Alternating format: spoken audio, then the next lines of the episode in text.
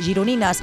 Estem en directe connectats a través de les zones de la ràdio, a Ràdio Vilafant, amb Ràdio Salrà, amb Ràdio L'Escala i amb Ràdio de la Veu de Sant Joan i ens escolten eh, i col·laboren també amb nosaltres Ràdio Llançà i també ens escolten des de Ràdio Montgrí. Eh, si us sembla, per començar aquest programa d'avui, voldríem saber quin és el Dia Mundial. Víctor, fes en 5 cèntims. Avui, quin Dia Mundial tenim? Doncs molt bon dia, Mercè. El Dia Mundial d'avui és el dia de la independència dels Estats Units. I a més, ho relacionem amb una de les efemèrides. Uh, Josep, bon dia.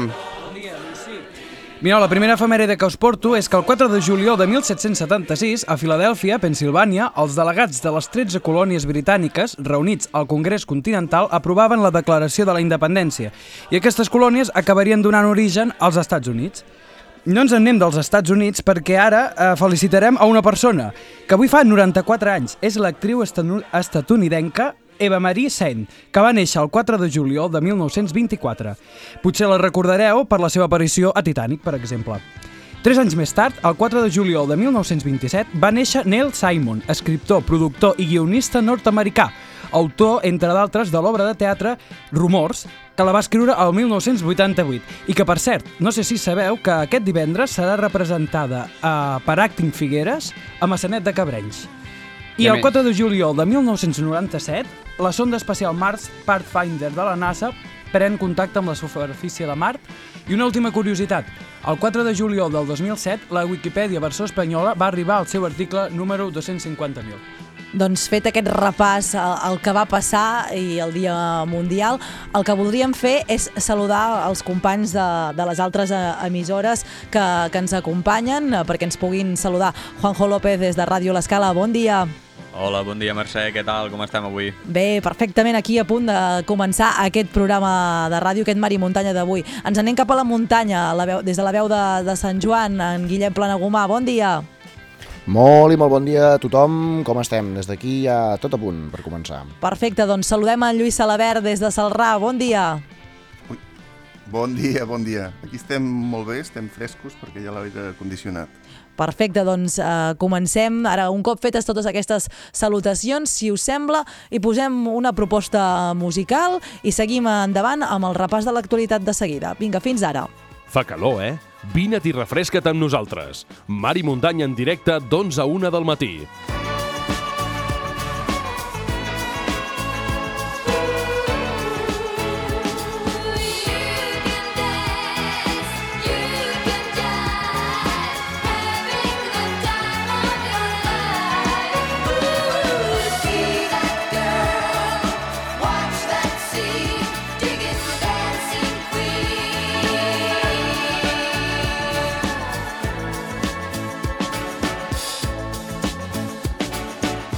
Friday night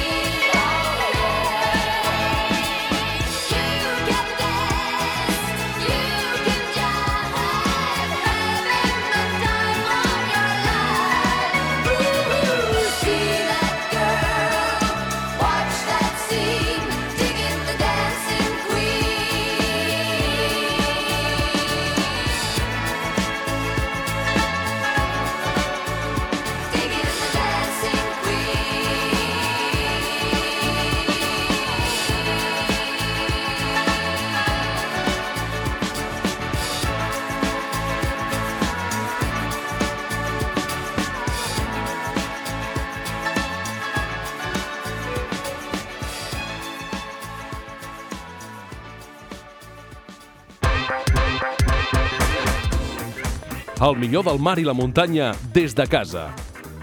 Doncs ara, després d'aquesta proposta musical, anem a repassar el que està passant o el que passarà eh, de la veu de les diferents eh, ràdios que formem part d'aquest programa. Eh, si us sembla, anem primer cap al mar, anem fins a Llançà, amb Ràdio Llançà, amb en Quim Agustí. Bon dia, Quim. Hola, bon dia. Què és el que està previst que, que passi o del que esteu pendents des de Ràdio Llançà? Doncs mira, uh, per avui mateix, per avui mateix tenim la, vi- la visita guiada en família al port i la llotja. De què es tracta? Es tracta d'una visita al port pesquer de Llançà on podrem observar l'arribada de les barques de pesca, parlarem de les arts de pesca tradicionals i entrarem a la llotja per observar la venda de peix. També podeu conèixer el projecte de Dofins de Tramuntana, que en parlarem més endavant, i és una, una visita recomanadíssima que comença a les 5 de la tarda en el, en el port de Llançà, evidentment. També recordarem que aquest dissabte eh, es dona el tret de sortida al Correllengua de la Coordinadora d'Associacions per la Llengua Catalana. Se- se- es dona el tret de sortida amb una inauguració d'una exposició de Pere Caldés, després hi ha uns parlaments i uns audiovisuals a la Casa de Cultura, això fins a les 12 del migdia, on després es fa un dinar popular a la Pineda del Port, una cercavila i després a partir de dos quarts de set de la tarda una ofrena floral al monolit de Pere Caldés i un concert de la Coral Palandriu, també com una lectura del manifest de la Correllengua i un altre concert ofert per la Palanca, que, que estarà molt bé perquè és amb dos guitarres i un saxo. I per acabar, us recordaria que ja estan a la venda les entrades per veure l'espectacle del Mac Marín a la Casa de Cultura de Llançà el dissabte 3 d'agost. Les entrades les podeu trobar a la Casa de Cultura de Llançà o a tiquetea.com. I recordem que el Mac Marín doncs, va ser el, el guanyador del programa Pura Màgia de, TV, de Televisió Espanyola, és Premi Nacional de Màgia d'Espanya, Premi Nacional de Màgia de França, Premi Internacional de Màgia de Portugal i està galardonat amb el, amb el Trofeu Màgicus de Barcelona. Això serà el 3 d'agost, les entrades ja estan a la venda a tiquetea.com o a la Casa de Cultura de Llançà. I per acabar, per acabar, per acabar, doncs recordar que el dissabte a les 10 de la nit tenim l'espectacle de l'Escola d'Art Coreogràfic de Llançà a la plaça Catalunya, gratuït, i que el diumenge a les 7 de la tarda a la Casa de Cultura de Llançà tenim concert de gospel gratuït amb la Sagrera Gospel. Doncs molt bones propostes, aquestes que ens fa arribar en Quim Agustí de Ràdio Llançà. Gràcies, Quim. Eh, doncs, si us sembla, ara anem cap a la veu de Sant Joan, amb en Guillem Planagumà, que ens expliqui una mica doncs, eh, de què estan pendents des de, des de la muntanya. Eh? Ens anem cap a la muntanya, que ens expliqui per on passa l'actualitat avui. Digues, Guillem. Molt i molt bon dia. Doncs mira, aprofitant que demà divendres és el dia que aquí al Mar i Muntanya ens toca bolo i per tant no estarem als respectius estudis. Això ja en parlarem al llarg del dia d'avui. Eh, si no m'equivoco us explicarem què farem eh, demà, però aprofito per avançar-vos eh, que aquest dissabte doncs, s'estrena el Festival del Comte Arnau aquí a Sant Joan de les Abeses. El Festival del Comte Arnau és un cicle d'espectacles multidisciplinars doncs, que es du a terme al llarg eh, de l'estiu en la població de Sant Joan.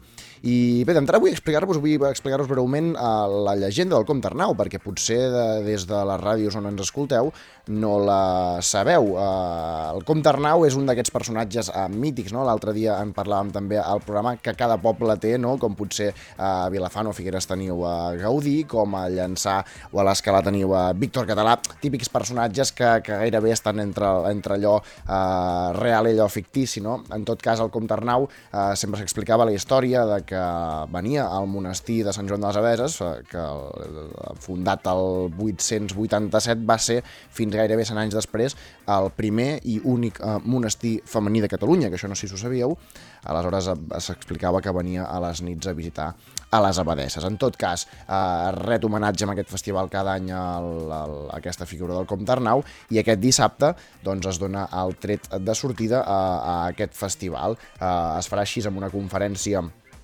a càrrec de Víctor Gómez Labrado, historiador eh, valencià, en la qual voldrà buscar més vincles del Comte Arnau. El Comte Arnau sempre s'acaba dient que és d'aquests personatges que, a part de tenir fills arreu, també eh, on passava doncs, deixava marca d'alguna manera o altra, i s'han trobat eh, versions de la seva llegenda eh, tant a la Catalunya Nord com a les Illes Balears i ara sembla ser doncs, que també eh, al, al país eh, valencià. El festival eh, comptarà amb una gran programació, entre d'altres, doncs, en aquesta conferència que us dèiem, el dia 20 de juliol, el concert de l'últim indi, l'exmembre de Els Amics de les Arts, eh, la ja tradicional xerrada de cerca, caminada de cercant eh, les petjades del Comte Arnau, que pretén doncs, eh, recórrer eh, les petjades doncs, que presumptament feia el Comte Arnau per venir a veure les abadeses, o també eh, l'exposició de la llegenda del Comte Arnau a càrrec de Josep Ribot i Calpe, que es podrà veure, de fet, des de demà al Palau de la Veïa de Sant Joan.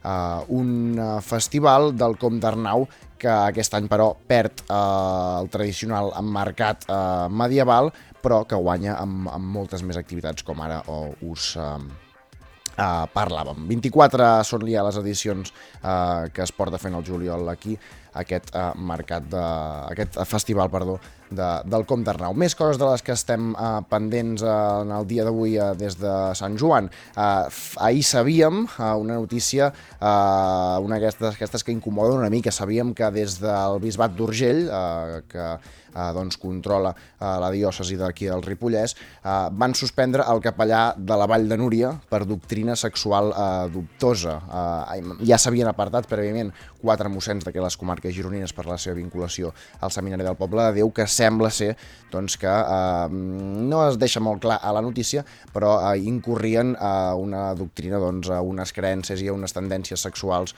eh, dubtoses que doncs, sembla des, de la, des, del, des del Bisbat d'Urgell han set motiu de, de, de cessament eh, per aquests, eh, per aquests eh, sacerdots han estat eh, doncs, eh, aquests quatre capellans, també el de la eh, parròquia de Ribes de Freser, prop del santuari de els que han estat doncs, cessats. Fins ara no hi ha més notícies si se'n si se'n posaran de nou o què es farà i tampoc s'han sabut més declaracions, però sabíem aquesta notícia ahir i creiem que doncs, valia la pena uh, mencionar-la. Per acabar, una notícia en clau esportiva, sabíem també uh, ara fa un parell de dies uh, que el ripollès Jaume Bonada, el porter de l'escola de futbol sala, de l'equip de l'escola de futbol sala de Ripoll, ha estat escollit el millor jugador de la Lliga Nacional. Uh, sempre rellevant quan uh, algun esportista doncs, de la comarca rep uh, un, un premi així.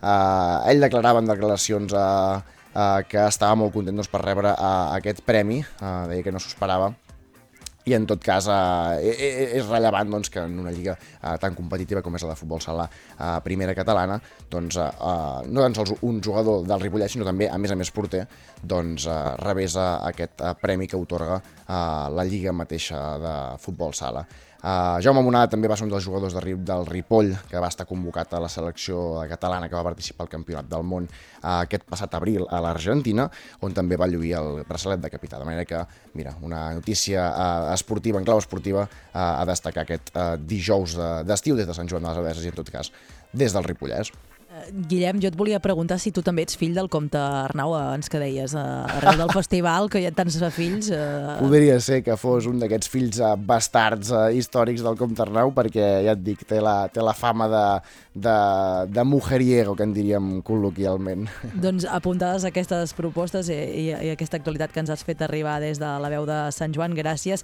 Uh, si us sembla, anem cap a Salrà amb en Lluís Salabert. Explica'ns, Lluís, uh, per on passa la cosa? Em sembla que és musical, eh? I tant. Uh, abans, una petita notícia que no ho és. S'està acabant un estudi de camins segurs per anar a l'escola i a l'institut, uh, que ha fet un becari de Geografia de la Universitat de Girona, va fer enquestes uh, a finals de, de curs, i ara l'àrea d'educació doncs, eh, farà servir aquesta informació perquè ja es pugui implementar el proper curs. I sí, és, és veritat, eh, s'acosta el cap de setmana ple de música.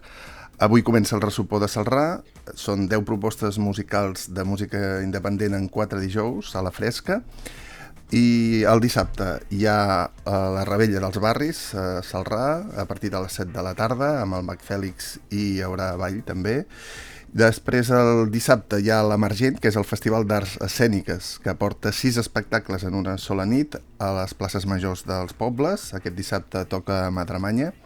I tot el cap de setmana hi ha la Festa Major de Sant Martí Vell. Què dir de les festes de poble? Un bon moment, precisament, Lluís, a les festes de poble per, per divertir-se, per trobar-se no? a, a l'estiu. I tant, i tant. Doncs- Dels pobles veïns, sí. Sí, sí, uh, bona proposta aquesta que ens fa arribar en Lluís Salabert des de Ràdio Salrà. Ara anem cap, a, cap al mar, anem cap a l'escala amb en Juanjo López. Explica'ns, uh, em sembla que la calor està afectant fins i tot a, a la policia, als Mossos d'Esquadra, oi? Doncs sí, perquè demanen tancar les comissaries dels Mossos a Girona, Banyoles, l'Escala i Olot perquè hi fa massa calor. El sindicat SAP, a SAP Fèpol perdó, ha demanat a l'Inspecció de Treball que ordeni el tancament immediat de totes les comissaries dels Mossos d'Esquadra, a les quals s'incompleix la normativa sobre temperatures, ja que n'hi ha diverses de les quals s'accedeix al màxim de 27 graus que marca la normativa vigent. Ja han denunciat la situació a Inspecció de Treball i al Comitè de Seguretat i Salut Laboral de la Conselleria d'Interior. Entre d'altres, SAP Fèpol ha advertit a la Conselleria d'Interior que s'incomplia el límit a les comissaries de Girona, Banyoles, l'Escala, Olot, Mataró, Mollet del Vallès, Premià de Mar, Calella, Sant Martí, Sants Montjuïc, Arenys de Mar, Salou, Vilafranca del Penedès, Pineda de Mar, Viladecans, Berga i Sant Vicenç als Horts. De totes elles, segons el sindicat, només s'han resolt de forma satisfactòria els casos de Mataró i Calella, mentre que les altres, encara que en set d'elles ja s'ha efectuat la corresponent inspecció de treball, encara s'incompleix de manera flagrant i vergonyosa la normativa vigent. Per aquest motiu, el SAP Fèpol ha reclamat a l'Inspecció de Treball que actui amb celeritat i ordeni el tancament immediat de les dependències policials que no compleixen les garanties mínimes de treball. També han demanat sancionar la Conselleria d'Interior per infraccions molt greus o greus a causa de la seva inacció manifesta a l'hora de resoldre aquesta situació. Què més tenim, Juanjo? I en clau d'agenda de l'escala tenim concert d'estiu a càrrec dels alumnes del Brighton College. El Brighton College té una llarga tradició musical. El concert tindrà lloc a l'església de Sant Pere de l'Escala a les 9 hores d'aquesta nit. El cor de cambra del Brighton College està format per una trentena de veus mixtes i regularment participa en concerts i serveis religiosos durant l'any i canten un repertori molt variat amb un especial interès pels compositors anglesos que inclou obres de Tippett, Gibbons, Barber, Beard, Tallis o Purcell. El cor ha ofert concerts i participat en serveis litúrgics a la capella de Sant George, de Windsor i a les catedrals de Southwark i Portsmouth.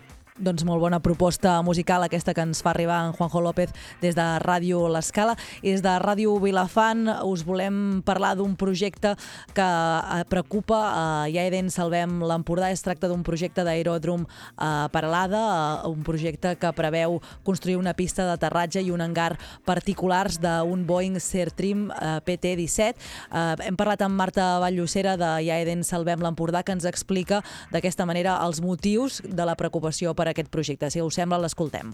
que no sabem fins a quin punt és realment compatible amb la proximitat de l'aeròdrom d'Empúria Brava. Per altra banda, eh, que s'ha de consultar tots els veïns, perquè si un veí té un territori, un sol no urbanitzable, on vulgui fer un aeròdrom, qui, i per què el veí no el podrà fer? Perquè llavors sí que per tot el tema d'espai aeri, de seguretat, de, de l'hora de despegar o d'aterrar, etc, eh, necessites no, un espai i un aeròdrom al cantó no, no s'hi podria posar. Llavors, fins a quin punt el primer que arriba s'hi pot col·locar i el veí no, i l'altre tampoc, i l'altre no s'ha estudiat si al voltant hi ha masos, activitats, etc etc que pugui molestar a nivell de soroll, vull dir que s'ha d'avaluar tot el tema del soroll. I per últim, comentar que en la comarca tenim tres aeròdroms públics, és a dir, tres aeròdroms als quals tu podries tenir el teu Doncs, eh, tal com explicava Marta Valllocera, eh, aquests eh, tres aeròdroms que permeten doncs, tenir doncs, l'avió o, o l'aparell eh, de volar eh, que faci falta i per això els preocupa des de l'entitat ecologista. De fet, dir-vos també que aquest projecte està en fase inicial i per tant s'han presentat aquestes al·legacions, caldrà seguir, seguirem de ben a prop des de Ràdio Vilafant aquest tema per veure eh, doncs, si tira endavant o no. Eh, també avui us volem portar música, avui la cosa va de música, s'acosta el cap de setmana i això es nota, perquè precisament avui hi haurà el tret de sortida i inauguració de la 33a edició del Festival de Paralada.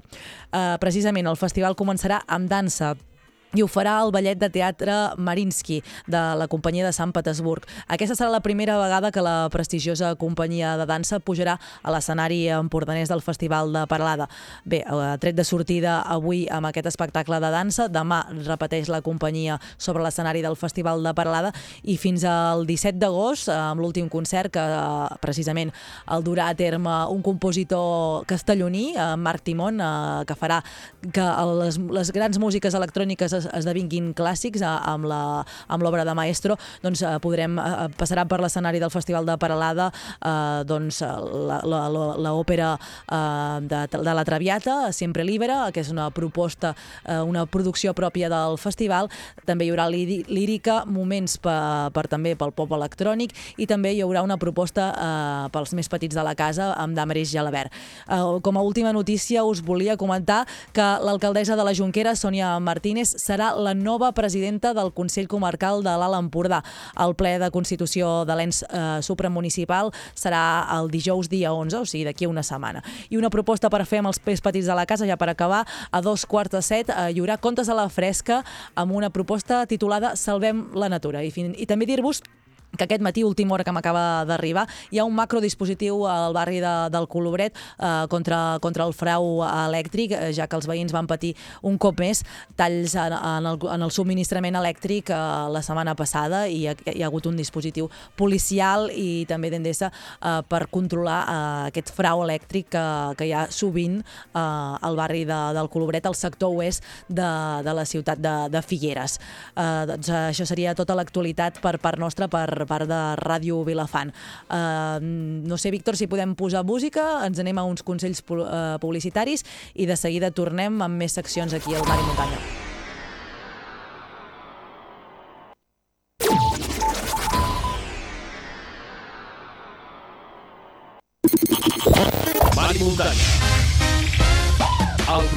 Més refrescant d'aquest estiu. Mar i muntanya en directe, 12 a 1 del matí. Un programa de Ràdio Escala, La Veu de Sant Joan, Ràdio Salrà i Ràdio Vilafant.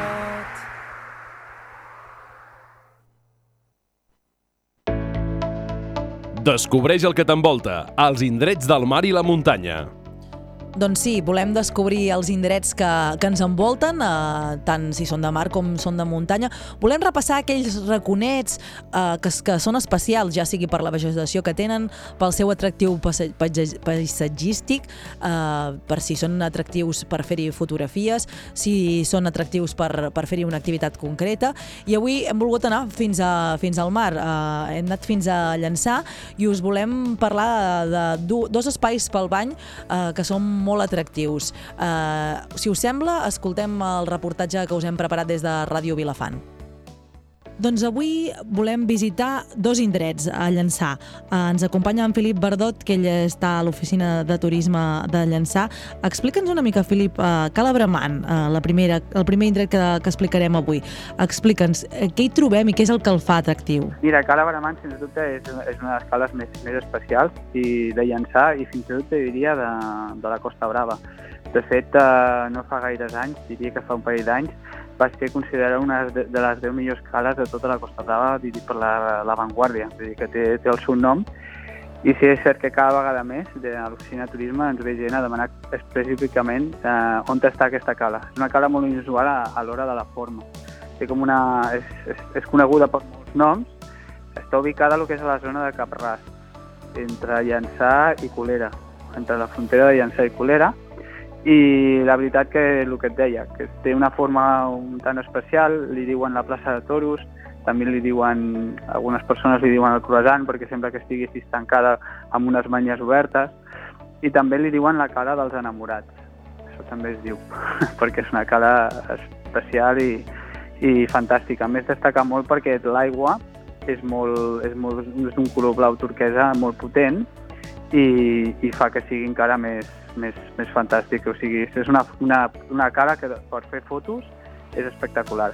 És molt petiteta, eh, cal dir que hi ha anys que hi ha sorra, hi ha anys que no hi ha platja, aquest any hi ha platja, vale? I, i està això, està just al costat de la platja de Canelles de Capterràs. Per aparcar és una mica... és bastant fàcil arribar-hi, i el que et deia, entre Llançà i Colera, a la zona de Capràs pots aparcar i anar caminant tranquil·lament. Clar, eh, comentaves això dels noms, eh? Cala dels enamorats. Eh, és una cala eh, que hi van molt els llançanencs o més aviat hi va gent de fora? O, mm, Sí. o la descobreix tothom una mica? Ara, últimament, suposo que entre... Suposo que la- la- l'aparició de les xarxes socials i, i especialment Instagram, eh, que, és, que és una platja molt, molt, molt, la, molt fotogènica. Llavors, eh, eh, a vegades nosaltres, des de llançar turisme pròpiament, que tenim les nostres xarxes socials, quan pengem fotos de cada bramant, comencen a posar els likes i els comentaris. Vull dir que és, és eh, cada vegada és més coneguda i, com t'he dit abans, eh, ens està arribant gent a l'oficina de turisme amb la fotocòpia de la foto i jo vull anar aquí. Vull dir, eh, és molt, molt potent. Gent de llançar hi va, sí que n'hi ha, però sí que és veritat que, que bueno, hi ha una mica de tot. Tampoc hi ha una capacitat eh, molt elevada de gent. Eh? Hi ha gent, perquè la platja, la sorra és molt, és molt curteta, no, no hi ha gaire espai per el que és posar la tovallola, però sí que es posa gent per les roques. Després és un lloc ideal per fer snorkel. És, és espectacular per fer snorkel perquè allà tens molta vida i la veritat que, que dona molt de gust fer snorkel i dona una seguretat perquè, perquè tens tota una part protegida per les roques que et pots anar agafant. O sigui que està molt bé. A nivell de fauna suposo que hi pots veure, pots veure bastanta fauna, bastants peixos Sí. fent aquest snorkel, Sí. no?, que comentaves. Sí, sí, sí, sí. És perquè, clar, queda com, com un submón, queda com protegida per les roques i, i queda aquesta, aquesta part, és com una piscina natural, també, si ens volem entendre, només quedaria una part per tancar, que és el contacte amb mar obert ja, i clar, tot això hi ha tota una vida i realment per fer snorkel o començar nedant o el que sigui és realment espectacular. De fet, no fa, fa un parell de setmanes eh, l'entitat de, de, de natació en aigües obertes a les Tintoreres de Llançà van organitzar una travessia popular que la sortida era de Calabramant i la, la veritat que era espectacular perquè se, tot el que és l'encaix de la imatge era, era brutal. Ben aviat s'ha fet un vídeo amb dron i ben aviat a les xarxes de Llançà Turisme es penjarà. eh, semblant en, en aquest espai que comentaves de Calabramant, eh, que queda recollit, que és com, com podríem dir una piscina al, al mar, podríem dir que és l'altre indret que visitem avui, no? El- La Gola. Explica'ns, quina diferència hi ha entre una i altra? Bé, la Gola mm, és molt més urbana, està molt més connectada. De fet, està en el mateix port de Llançà, però sí que queda una mica amagada i te l'has de conèixer, perquè per línies generals la gent va a, a que és la platja principal, la platja del port, on tens tota l'oferta de serveis, tens els aparcaments i tal. La Gola queda una mica més, més a dalt. I la veritat que també es destaca molt per, això, per coses molt similars a lo que és a Calabramant, sobretot el color de l'aigua, és molt, molt, molt pur, està sempre és una aigua que està sovint molt neta i, i queda molt, molt a prop del port de Llançà, es pot anar a peu sense cap tipus de problemes al port i fins i tot hi ha un aparcament just al costat. Vull dir que en aquest sentit també és, és, és genial. Llavors, què ens recomanes per anar a aquests dos indrets? Eh, què, quin material hauríem de portar que, que fos imprescindible? Mira, imprescindible seria eh, bueno, tovallola, eh, crema i després eh, ara eh, també s'està s'està oscil·lant molt, no? Fet de no prendre el sol moltes hores, sinó que fer altres activitats aprofitant el que és l'aigua. Es pot nedar eh, tranquil·lament, vull dir, podeu, podeu portar el que és la boia reglamentària per anar a nedar una mica a mar obert, fer snorkel o, o descansar, llegir o, o anar fins i tot una mica al vespre, gaudir també de, de lo que és la posta del sol. Cal dir que des de Bramant i la Gola la sortida al sol és molt xula, que també és interessant de fer. Vull dir que, que jo convido que, que vingueu a conèixer aquests racons, però no només ara, a l'estiu, sinó que durant tot l'any, perquè realment eh, hi ha gent que és molt aficionada i que va fer fotos pràcticament cada dia en aquests dos indrets i és realment espectacular. Descobreix el que t'envolta, els indrets del mar i la muntanya. Doncs quina enveja en Quim Agustí de, de Ràdio Llançà que ho té a tocar eh, a prop de casa, a prop de la ràdio, eh, que pot gaudir d'aquestes eh, postes de sol, d'aquests dos indrets que hem explicat avui, aquesta Cala Bramant i, i la Gola de, de Llançà. Eh, N'estic segura que, que des de la muntanya potser ens deu haver tingut una mica d'enveja, no, no, no ho sé, no ho sé pas. Eh, de- després els hi preguntaré en en Guillem eh, i en el Lluís si, si els hi ha fet una mica d'enveja l'explicació d'aquesta d'aquests dos indrets i amb ganes d'escoltar també els indrets de muntanya que segur que seran ben interessants. Això, cada dijous descobrirem més racons i raconets de les nostres zones. Si us sembla, ara posem-hi una miqueta més de música. Quina proposta ens fas, Víctor? Doncs mira, tirem una mica enrere, anem a escoltar Donna Summer amb She Works Hard for the Money.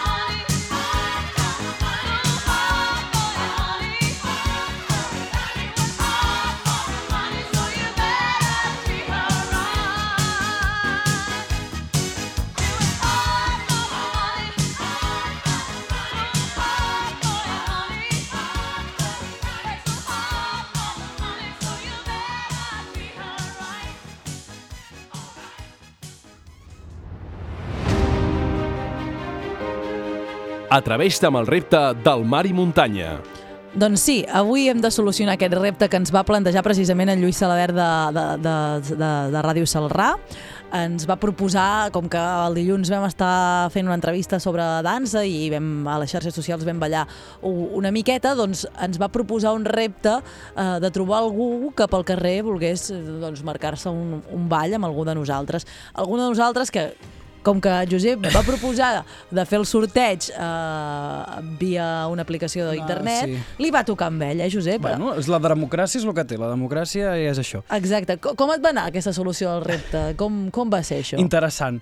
Uh, perquè no va ser fàcil, eh? La gent pel carrer no li agrada ballar. Després de diferents intents, finalment vaig trobar un noi que uh, va voler ballar, va voler ballar Escape, uh, o sigui... Ska, va- va ballar Ska. Va, del grup, una cançó del grup Escape, eh, i em va ensenyar a ballar i tot, i bueno, podreu veure el vídeo per les xarxes socials. Sí, ara us el penjarem d'aquí d'aquí una estona. Però bueno, escoltem, escoltem-ho. Quina cançó, uh, quina música t'agrada ballar o escoltar? Bé, per ballar ska, uh, punk també, un estil d'aquest que sigui que pugui saltar una mica i... Digue'm el nom d'una cançó. Doncs el Gato López d'Escape, mateix.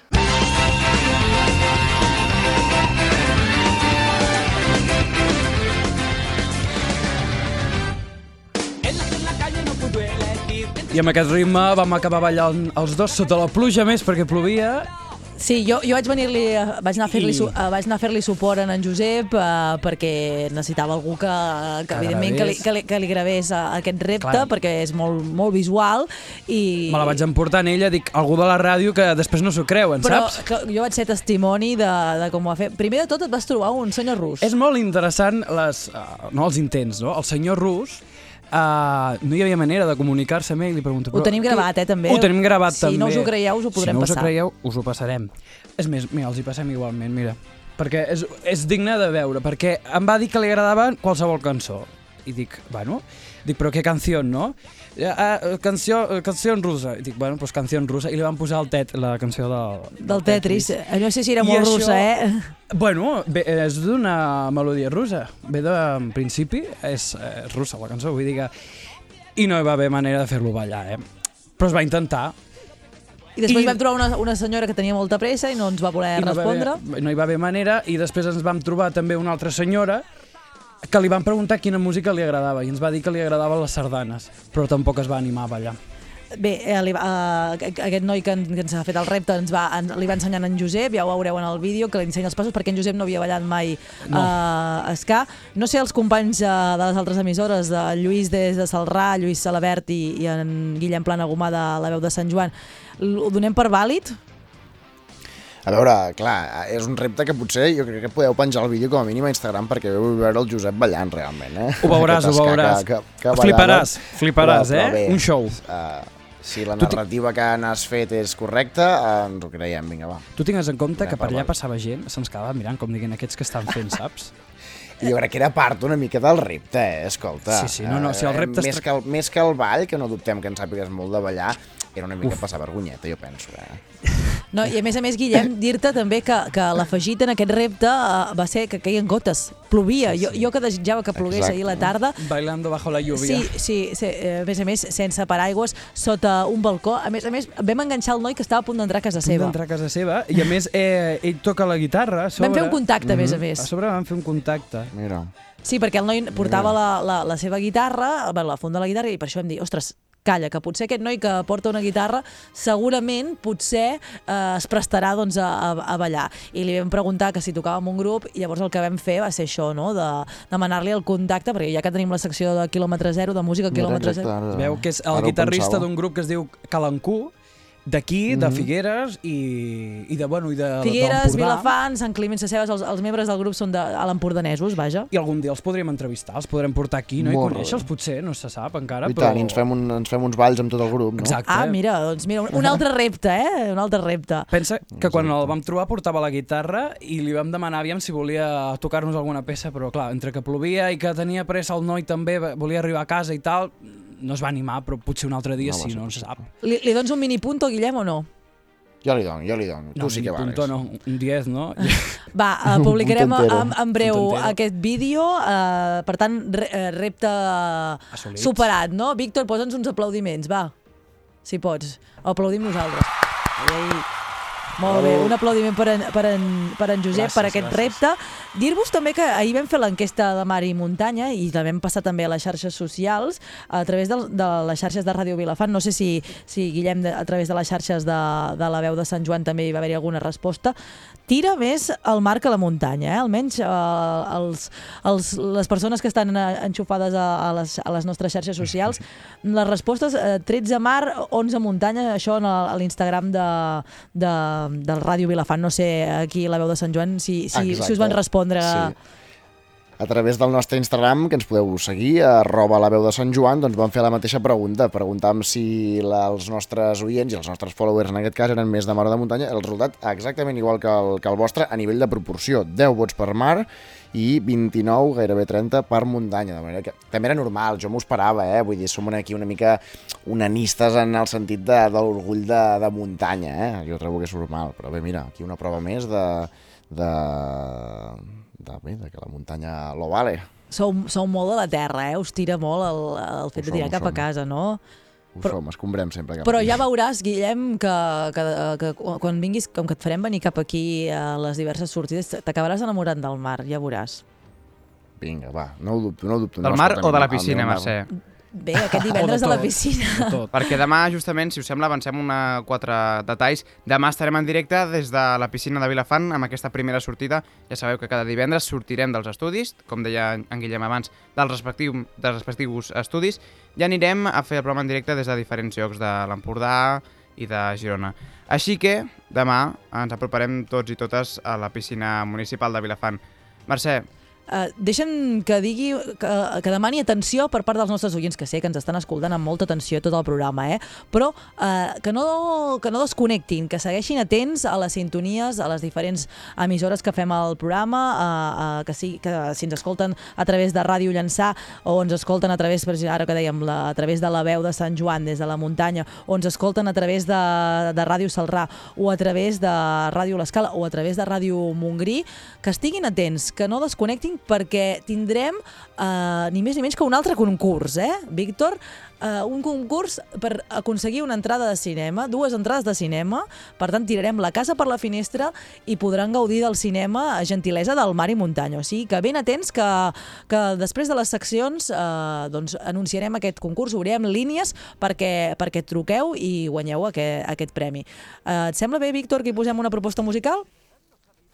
Doncs som-hi.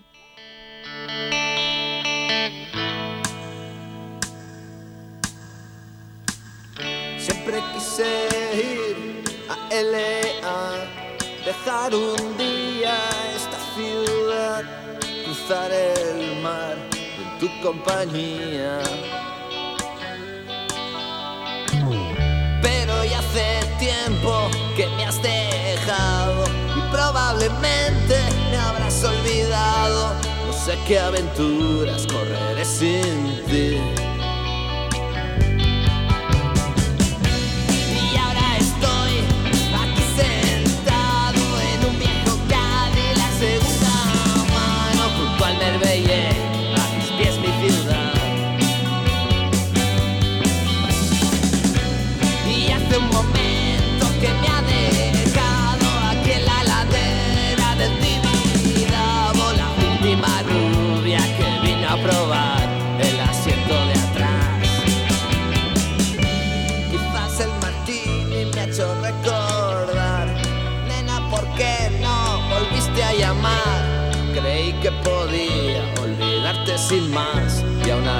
Ya ves. Y Alice la rubia me he sentido extraño Me he quedado solo fumando un cigarro Quizás he pensado nostalgia de ti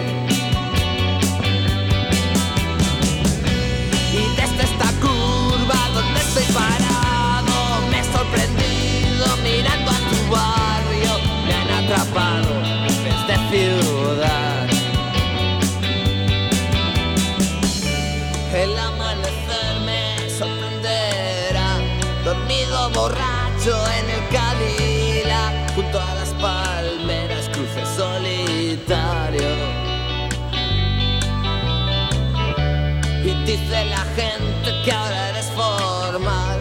Y aquí borracho en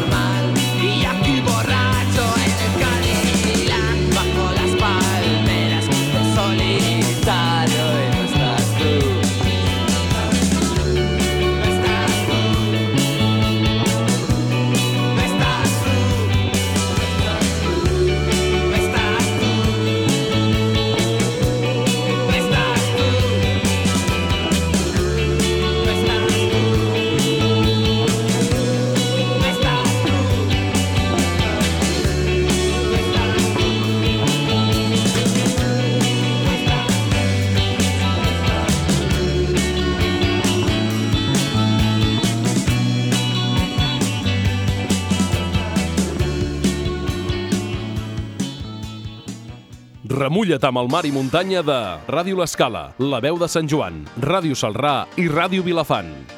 Doncs eh, ens remullarem, eh? ens remullem eh, a través de, de les zones de ràdio, a través d'aquestes quatre emissores que estem en xarxa, gràcies a la xarxa de comunicació local, que fa possible que cada dia estiguem aquí al mar i muntanya connectant ràdios de mar i ràdios de muntanya, amb Ràdio Salrà, La Veu de Sant Joan, Ràdio L'Escala, nosaltres Ràdio Vilafant i també eh, amb Ràdio Llançà i Ràdio Montgrí. Eh, després de- d'uns consells publicitaris que us oferirem d'aquí uns minutets, eh, explicar-vos que tenim ja als nostres estudis a un youtuber. Volem descobrir la professió de youtuber, en concret la de gamer. Eh, Gamer serien aquelles persones doncs, que, que, que juguen a videojocs a través de les diferents plataformes que, que hi ha existents i que pengen doncs, els seus vídeos donant consells o, o, com, farà, com farem avui amb el repte de- d'en Josep, doncs, que pengen aquells reptes que ells han anat assolint a través dels videojocs i donen doncs, la, les pautes perquè si tu també videojugues doncs, puguis eh, tenir una, una guia i són vídeos divertits.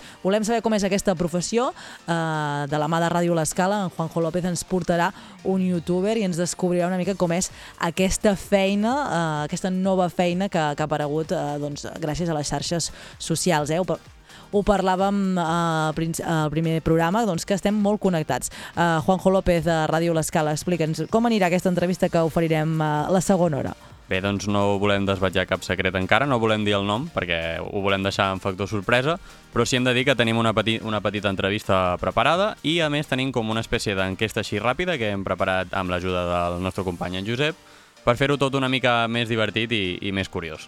Sí, i, uh, una mica el que volem descobrir al llarg d'aquesta setmana. Avui tu portes un youtuber, un youtuber però la setmana que ve potser agafarem algú que sigui instagramer. És una altra d'aquestes professions que dèiem que gràcies o per culpa de les xarxes socials doncs han generat mm, aquests nous oficis i anirem recorrent als nostres eh, territoris doncs, buscant, gratant una mica perquè costa eh, localitzar-los i que puguin venir als estudis doncs, aquests youtubers, instagramers, influencers, eh, aquests, aquestes pa- palabrejes que, que sonen tan últimament i que estan tan de moda. Fem uns consells publicitaris i de seguida, uh, un minutet, em, em diuen, uh, després d'aquests consells publicitaris, descobrirem aquest youtuber i continuarem amb més coses, perquè també hi posarem cinema. Recordem que tindrem un sorteig de dues entrades per venir al Cat Cinemes de- d'aquí de, Figueres i gaudir de la pel·lícula que més voleu. Després us repassarem la cartellera eh, de les diferents eh, ràdios, eh, parlarem una mica quines propostes cinematogràfiques teniu per fer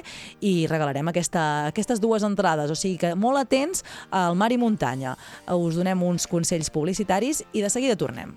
Fa calor, eh? Vine't i refresca't amb nosaltres. Mar i muntanya en directe d'11 a 1 del matí.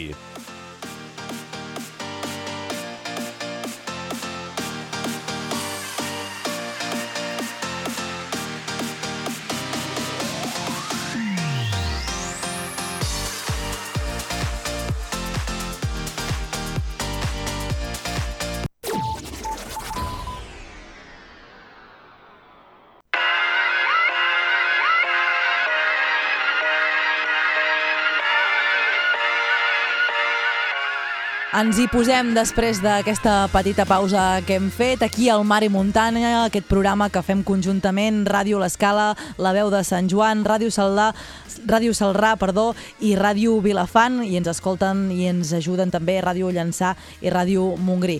Anem, el promès és deute, anem cap a Ràdio L'Escala, en Juanjo López ens prometia una entrevista amb un youtuber i a més a més en, en Guillem Planagumà de La Veu de Sant Joan també t'ajudarà amb aquestes preguntes perquè que comentaves que n'hi hauria així tipus test, eh?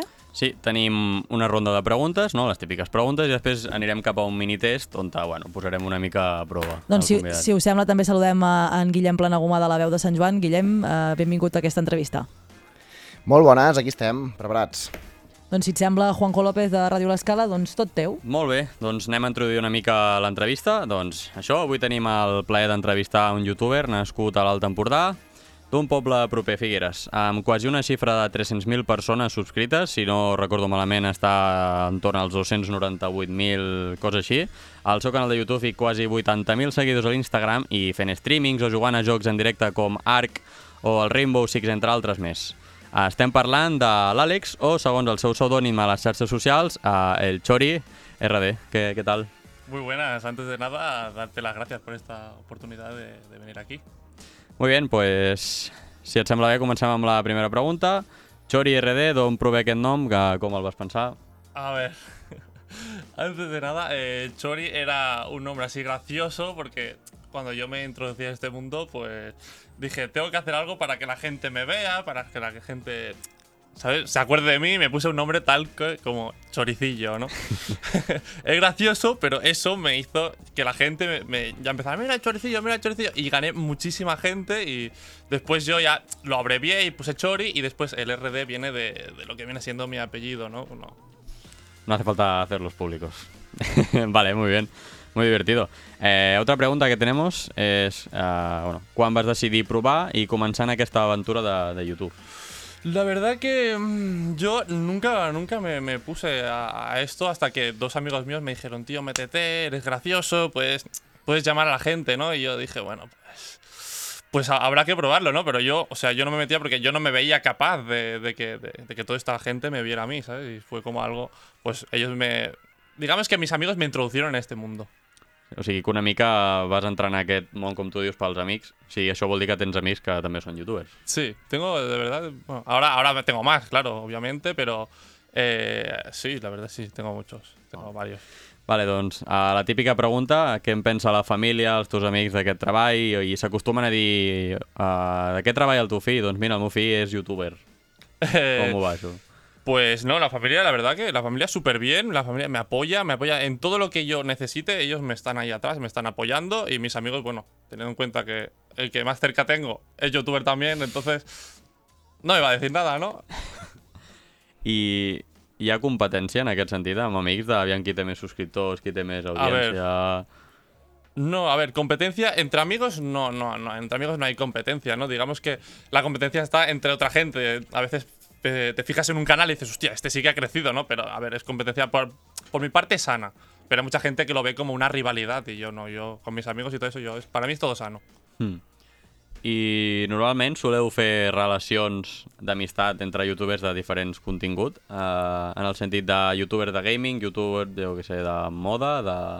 Sí, a ver, yo no califico a nadie porque sea de, de un- de una cosa o de otra. Yo, si una persona me cae bien, me da igual que sea. Vale. Puedo conocer a una persona y que sea, yo que sé, de moda, por decirte algo y decir, hostia, este tío me cae súper bien o, o esta chica me cae súper bien. Mm. Que no, no, no hay nada. Vale, vale.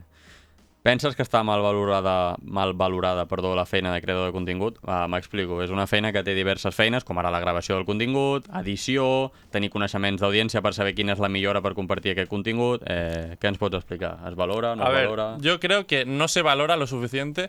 ¿Por qué? Porque muchas veces hay personas que dicen, mira, este chico es, es youtuber, no hace nada. Y es como, bueno, mm, no hago nada, eh, mientras tú acabas de trabajar, yo sigo pensando lo que voy a hacer mañana. Y, y tú ya has terminado la jornada. Yo sigo pensando y pensando y pensando. Y yo creo que eso no se valora. Porque yo, mi cabeza no para. Siempre está pensando en qué voy a hacer mañana o, o al otro. O sea, mi cabeza no es uno parar. Clar, I aquí eh, podem preguntar uh, més coses, no? Perquè tema col·laboracions amb altres youtubers, què tal? Uh, per Eh, a ver. horaris... Eh, es que los horarios son complicados, ¿eh? Porque cada, cada youtuber es un mundo. Conozco desde gente que, que, ha- que graba o que hace cosas nocturnas, digamos, a partir de las 1 de la mañana, 2 de la mañana, porque tiene un público más latinoamericano. O conozco gente que se levanta temprano, pocos, pero los conozco. Y es complicado grabar con ellos. Es complicado. Cada uno tiene su agenda y Mm. es adaptarse. I el tema de- d'audiència, quan parlem de... Ara tu has dit lo de que té un públic més de, llatinoamericà...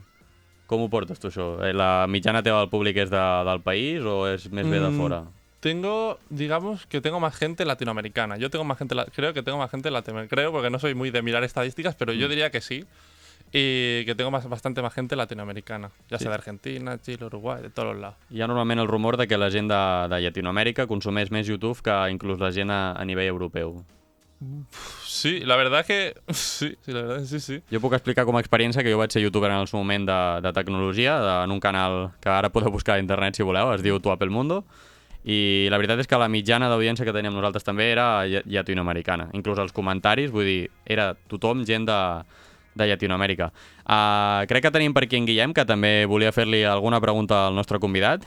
Què, Guillem? Bones, què tal? Uh, Àlex, primer de tot un plaer saludar-te i un plaer tenir-te en aquesta xarxa conjunta d'emissores. Uh, jo volia demanar-te, perquè sempre hi ha la curiositat, potser ara el, el tema de youtubers, no sé fins a quin punt uh, està més regulat o, o menys, però uh, fa uns anys recordo que sempre hi havia molta polèmica, no?, perquè uh, sortien notícies dels de, més coneguts, evidentment, la xifra, la xifra de diners que podien a, a arribar a guanyar. Jo et pregunto, eh, des del punt de vista d'un ignorant absolutament uh, de, del món de YouTube, un youtuber com tu, Àlex, amb 300.000 subscriptors, pot viure d'això a nivell uh, econòmic o, o, o tens una altra feina, per exemple, tu?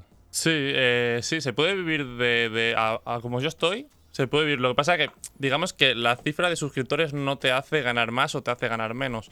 Digamos que lo que te renta a ti son las visitas. Si tú tienes muchas visitas, pues ganarás mucho. Si tienes pocas visitas, por muchos suscriptores que tengas, no vas a ganar demasiado, digamos, ¿no? Eh, yo sí, ahora mismo yo vivo de esto. Mm, no, no, no exageradamente, pero yo puedo vivir. Y, y eso. Molt bé. I com, com, fun com, com funciona això? És a dir, tu et, et paga YouTube directament, et paga les marques que s'anuncien als teus vídeos, perquè si no m'equivoco, eh, la monetització va en funció de no, els anuncis que surten abans dels teus vídeos, no?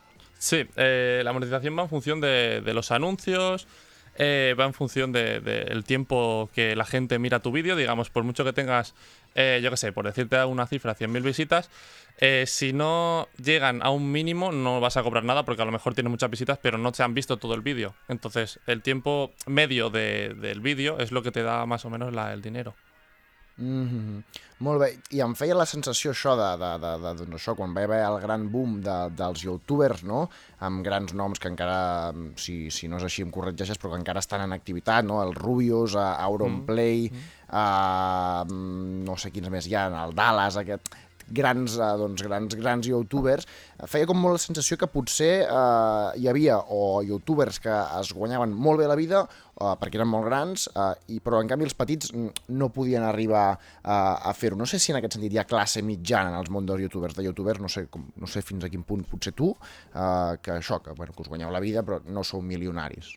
O, o tu ets milionari. no, no, yo de momento, que yo lo sepa, no lo soy.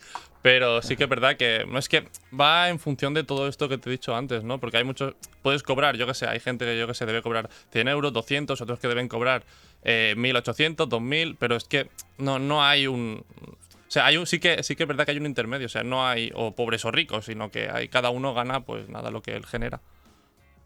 Molt bé, molt bé.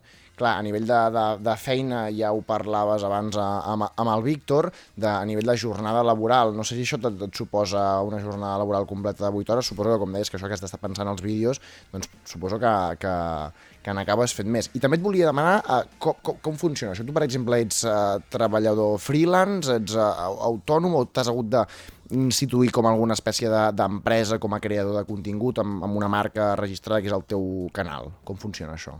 Sí, esto lo que te tienes que hacer es autónomo. Ujú. Y lo que tú has dicho, esto de la jornada laboral, si yo estoy, bueno, yo hago, por ejemplo, yo ahora por las tardes estoy en directo unas 5 o 6 horas, ma- eso Ujú. más eso, editar los vídeos, y estoy todos los días prácticamente, de vez en cuando intento desconectar y dejar un día libre, pero es Ujú. complicado, es complicado porque siempre quieres aspirar a más y sabes que si dejas un día a lo mejor, ¿sabes? Como que has perdido un poco de audiencia o cualquier cosa, todo es comidas de cabeza.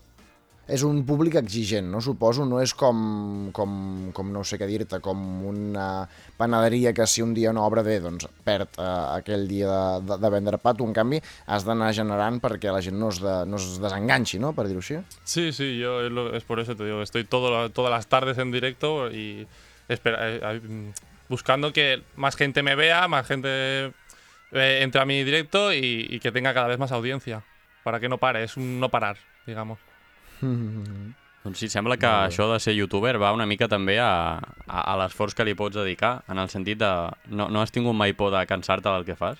De tant Mm. sobreexplotar-te del que fas, de dir, estic ja una mica ja fart de, de tanta exigència? No, la verdad que no, porque teniendo en cuenta que yo llevo toda mi vida haciendo, o sea, jugando a videojuegos, ahora el poder ganarme la vida haciendo lo que me gusta, pues es algo que, bueno, es sacrificio, pero como es lo que me gusta, para mí es más un hobby que el trabajo, ¿no? Hmm. Aquí podem enllaçar amb una mica amb les preguntes que ja li hem fet fins ara. Uh, tu creus que la feina de youtuber suposa més esforç, ja sigui mental, no físic, no crec, però mental que altres feines menys actuals? És a dir, tu, tu mateix et portes les xarxes socials, però tindràs Twitter, Instagram, Facebook no sé si en tens o no en tens. Facebook no, Facebook bueno tengo, pero eh, digamos que No. personal y no lo utilizo. Vale. Llevo creo que sin utilizar el Facebook así a ojo unos tres años. Vale. Bueno, doncs això. Contestes als teus seguidors, fas vídeos en tot el procés que comporta, com hem explicat abans. I és, és això, vull dir, creus que mentalment hi ha un esforç més gran que altres empreses? En el sentit de poder una persona que treballa d'oficinista Eh, fa les seves a 8 ver, horas... Yo no, sí, claro, es lo, es lo mismo que te comentaba Sí, antes. exacto. Hacen sus 8 horas y luego terminas y ya me olvido de todo, ¿no? Pero yo, claro, yo voy pensando, pensando y es ir haciendo. Y sí, y lo- es bastante cansado mentalmente. Yo, por ejemplo, hay días que digo, me voy a tomar unas vacaciones porque ya no puedo más. Porque es que quieres crear, crear, crear, pero al final cuesta, ¿no? Pero bueno, es así. Clar, clar, és que hi ha, hi ha gent que desvaloritza molt, eh, Guillem? Tu suposo que també ho hauràs sentit, eh, el fet de que un youtuber digui m'he de prendre vacances, com, però si no foteu res, tot, tot el dia sentats en una cadira, només que ri- rigueu... Però escolta, eh, tot, Bé, Bé, sí, tot jo- acaba jo- jo- cansant. Exacte, jo crec que potser hi ha aquest estereotip, tot i que penso, Àlex, eh, si no em corregeixes, que potser quan va haver-hi més aquest boom, que ja en fa uns quants anys, eh, potser sí que es veia més eh, com, com aquest estereotip. Jo crec que amb els anys s'ha anat una mica eh, regulant i normalitzant la feina, eh, la, la, la, la vostra feina, Uh, però no, no sé, en general quin, quin, en quin estat està de salut el món de, dels youtubers? Perquè jo penso que, que no ho sé, potser també perquè uh, he crescut uh, més, però abans hi havia com més uh, rebombori, més boom. Uh, ara hi ha menys audiència o al contrari, n'hi ha més perquè les noves generacions s'hi han afegit també? No, el problema ahora es que hay tanta gente que quiere ser youtuber que es complicado que alguien haga boom y crezca de golpe. En, es- en estos casos creo que el único caso que conozco, que conozco desde hace muchos años es, por ejemplo, un youtuber que se llama Lolito Fernández, que es, creo que ha- el único desde hace muchos años que no pega un boom y, y pasa de, de- de ser poco conocido a ser uno de los mayores conocidos de este país. Lolito Fernández, que per al que no ho sàpiga, diguem que és un conegut streamer, no sé si youtuber, però sí streamer, una persona que, que emet en directe partides de videojocs del videojoc bueno, molt famós, que coneixen tots a la joventut d'avui dia, que és el Fortnite.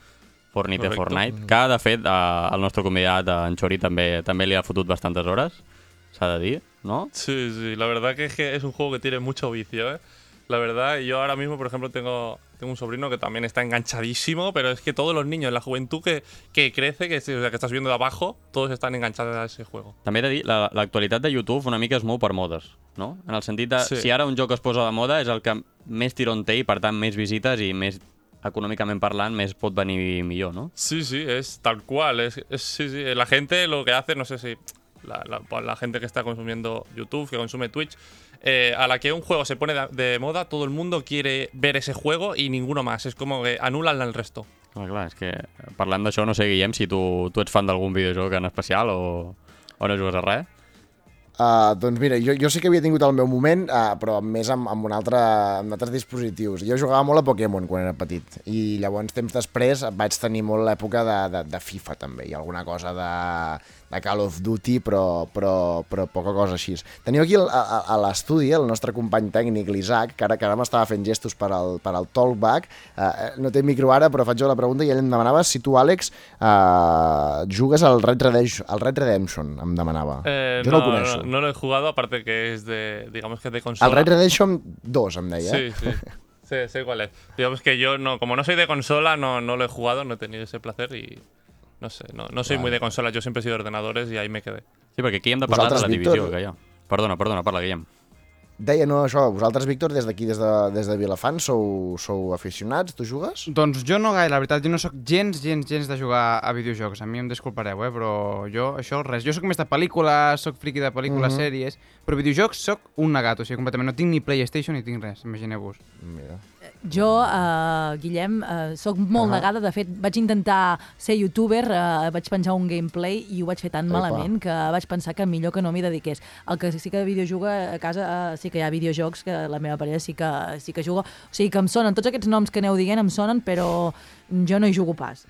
Home, jo crec que en el fons tots, bueno, menys en Víctor, que ja ho ha negat, tots som una mica gamers, no? En el sentit de tots hem jugat a alguna cosa. Fins i tot jo crec que hauríem de parlar un dia, hauríem de fer un debat sobre quin és el debat de, de ser gamer o no ser gamer, perquè una persona que ja juga al Candy Crush al mòbil està jugant a un joc, per tant ja és gamer. Clar, si en parlem d'això... Bé, Sí, ho, sí, ho, vist hauríem de, així. ho hauríem de discutir. Bé, i ara ja, uh, per acabar una mica, uh, farem un petit qüestionari de prova i has de contestar el primer que et passi pel cap sense cap tipus de trampa. D'acord? Vale. Preparats? Són 10 O preguntes. sea, solo contesto lo que tú me digas, no me... No me Ah, no me- aquí està la gràcia, correcte. Vale, uh, preparat? Doncs comencem. Menjar preferit. Aquest ja el sé jo. Tot, Kebab. Veus, ja ho sabia. Què esperes dels teus amics? Hostia, ¿qué espero de mis amigos? Pues lo único que no me fallen. Principal defecte. Eh, soy muy cabezota. Principal virtut. Eh, mm, joder, no sé. Sempre és més fàcil dir els defectes Claro, que sé el virtuts, defecto, pero es que claro, eso de me, lo tienen que decir, eso me lo tienen que decir los demás. Yo no sé, no quedaría como muy con mucho ego, ¿no? Bueno, però algú tindràs, no? En plan, pues mira, sóc molt bo en tal cosa, o m'agrada molt de mi aquesta Home, part. els videojocs, no? Perquè si no... Ah, sí, supongo que los videojuegos. Soy bastante bueno jugando. Molt bé. Mira. Lloc ideal on viuries. No em diguis Andorra, sisplau, no em diguis Andorra. Uf, pues Andorra mola, ¿eh? Eh, sí, clar. Eh, me gustaría irme a Andalucía. Andalusia. Molt bé. Si fossis un heroi, quin poder t'agradaria tenir? Mm, super fuerza. Superfort. Com veus el món actualment? Eh, bueno, por mi parte, por la parte de, de esto, a mí me... jodido. Jodido. Un lema. Mm, no hagas lo que no te gustaría que te hicieran a ti. Un youtuber de referència per tu? Eh, mi amigo Naifa. I mar o muntanya? Eh, montaña. I per últim, aquesta me l'he inventat jo, però és per portar una mica de salseo. YouTube o Twitch? Que sabia, sabia que aquí, Oh, sabia que aquí fotria el cop. ¿eh? Eh, Què és Twitch, pels que no Ah, sí, sí, anava a dir també, per, eh? És veritat, perdoneu-me. Crec que ho he explicat abans, o n'he tocat. Twitch és com una plataforma estil YouTube, on Ah, la gent uh, penja, bueno, fa streamings que són com vídeos en directe jugant a un joc o fent uh, xerrant amb la gent. Vull dir, és una mena de YouTube, però més Mhm. actual i que Vale, en teoria ara mateix diuen almenys la gent que hi treballa que mou més calés que no pas al YouTube. I, I és competència real directa de YouTube? Pot arribar a extingir-se? es la mayor competencia que tiene YouTube ahora mismo. Si tuviera que elegir, yo me quedaría con Twitch. Vale, doncs això ha sigut tot per avui. A donar-li les gràcies al nostre convidat, en Chori o Àlex. Ha sigut un plaer tenir-te aquí amb nosaltres i Gràcies espero a que t'ho hagis passat bé. Sí, muy Y- bien. La verdad que me lo he pasado muy bien y gracias a vosotros. I nosaltres seguim ara eh, amb una mica de musicota que ens la tirarà el nostre DJ, en Víctor. El millor del mar i la muntanya des de casa.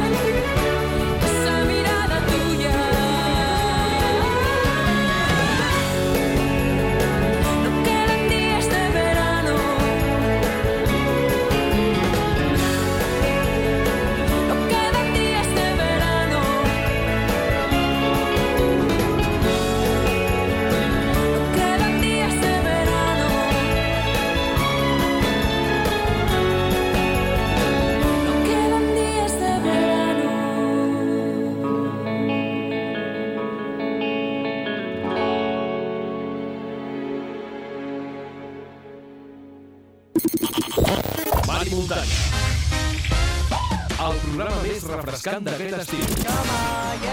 Mari Muntanya en directe, 12 a 1 del matí.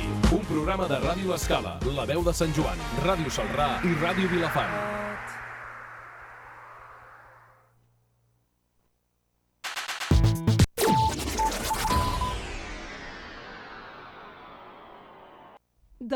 De juny al 13 de juliol vine a descobrir la gastronomia més surrealista a Figueres. Els millors restaurants de Figueres et presenten els seus tastets d'inspiració daliniana, acompanyats de la cervesa inèdit que sorprendrà el teu paladar. Del 13 de juny al 13 de juliol, tastets surrealistes a Figueres. Vine a tastar-los. Organitza Ajuntament de Figueres, Comerç Figueres Associació i la cervesa inèdit d'Adam amb el suport de Fundació Gala Salvador Dalí. Amb tu Premium Club. A la plaça del Sol. Figueres. De dilluns a divendres de 8 de la tarda a 3 de la matinada. Els divendres des de dos quarts d'onze de la nit. Els dissabtes una nit amb sessió especial i ambient per més de 40. I els diumenges de 6 de la tarda a 3 de la matinada. Amb tu Premium Club. A la plaça del Sol. Sol. Figueres. Amb tu. Aquàpolis, material piscina i spa. Uau, la teva piscina és magnífica. La meva piscina és Aquàpolis. Jo parlo del color de l'aigua. També és Aquàpolis. Vols estalviar diners amb la teva piscina? Ves a Aquàpolis. És la botiga més gran de productes i material per piscines de Catalunya. I és aquí, a dos quilòmetres de Figueres. No hi ha cap altra botiga igual. En aquest moment, el pot de Clorshock lent o multiacció de 5 quilos costa només 13 euros. Qualitat europea. Res a veure amb el teu clor del súper. Vine a la nostra botiga i descobreix els nostres descomptes. Estem a la carretera nacional 2A de Figueres a Vilamalla, quilòmetre 2. Per a més informació, aquapolis.cat. Aquest estiu, apunta't a un cos 10. A Perruqueria i Estètica Estras 34 de Figueres redueix greixos, toxines, prevent la formació de varius i elimina la pell de taronja amb la presoteràpia d'última generació. Vine a Estras 34, al centre de perruqueria i estètica del carrer Empordà 34 de Figueres. I si dius que has escoltat aquest anunci, t'obsequiarem amb una sessió gratuïta. Amb Estras 34, digues adeu a les cames cansades. Quarta edició de la Nocturna de Vilafant. Cursa de 10 quilòmetres i marxa de 5 quilòmetres. Dissabte 13 de juliol, trobada dos quarts de nou, sortida dos quarts de 10. Inscripcions fins al 5 de juliol, 5 euros amb assegurança dorsal i samarreta i fins al 13 de juliol, 5 euros amb assegurança i dorsal. Places limitades. Al finalitzar hi haurà bany nocturn gratuït pels inscrits. Més informació al web vilafant.cat. Inscripcions a curses.cat barra nocturna vilafant 2019. Escoltes Ràdio Vilafant, la teva ràdio amiga. Música que va amb tu, la teva companyia.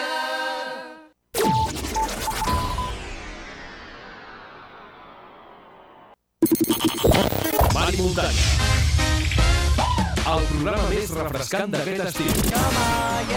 Mari Muntanya en directe, 12 a 1 del matí. Un programa de Ràdio Escala, La Veu de Sant Joan, Ràdio Salrà i Ràdio Vilafant.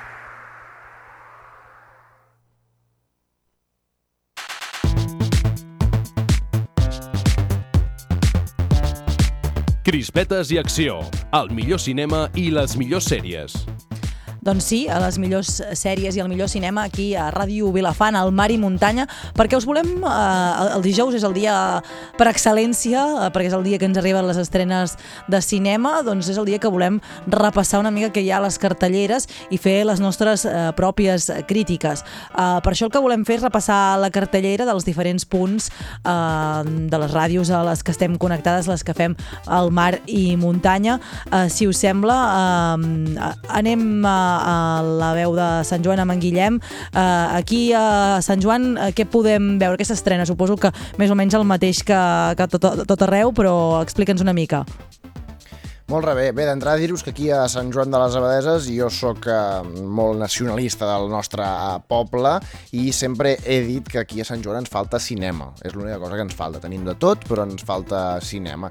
Eh, Llavors eh, haurem d'anar als pobles del costat per parlar de cartellera. Ens anem primer de tot a Ripoll, al cinema Comtal, on ara mateix en cartellera hi ha tan sols una pel·lícula, que és la de la última de Spider-Man, Lejos de casa, que la podem veure als caps de setmanes i també els dilluns. Eh, Ho podeu veure la cartellera a la web del Circuit Urgellenc, eh, circuit del qual en forma part del cinema, que és eh, circusa.com. Altres cinemes de la comarca ens anem eh, cap a, a Ribes, on aquí en aquest cas eh, hi ha dues eh, pel·lícules en cartellera, la de Toy Story, que podem veure eh, entre setmana per als més eh, petits, recordant que el dimecres eh, és el dia de l'espectador, i també Lo dejo cuando quiera, aquesta pel·lícula eh, espanyola, entre d'altres amb Ernesto Sevilla i eh, David Verdaguer, que té pinta a ser d'aquestes que jo no soc molt, molt, molt, molt, molt de cinema espanyol, però és d'aquestes que em podria ben passar perquè deuen fer riure i una bona eh, estona. Això era el cinema eh, de Ribes, que podem eh, consultar-ne cartellera eh, i entrades a cinemaribes.com.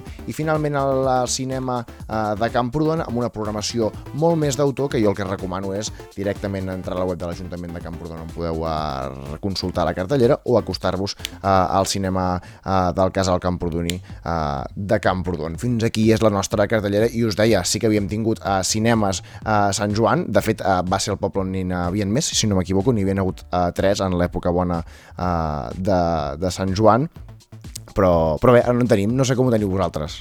Doncs mira, una cosa semblant va passar a Figueres, que hi havia hagut uh, més d'un cinema, hi havia hagut tres o quatre, uh, i ara en aquests moments a Figueres en ten tenim una, una sala multicinemes, que és a la qual regalarem dues entrades amb el concurs quan acabem el repàs de, de la cartellera, i s'ha recuperat uh, fa cosa d'un any, quasi dos, un altre cinema, uh, però els altres van anar desapareixent. També va passar això que comentaves a Sant Joan, no? que n'hi havia hagut molts, però van anar tancant fins a quedar els que hi ha avui en dia.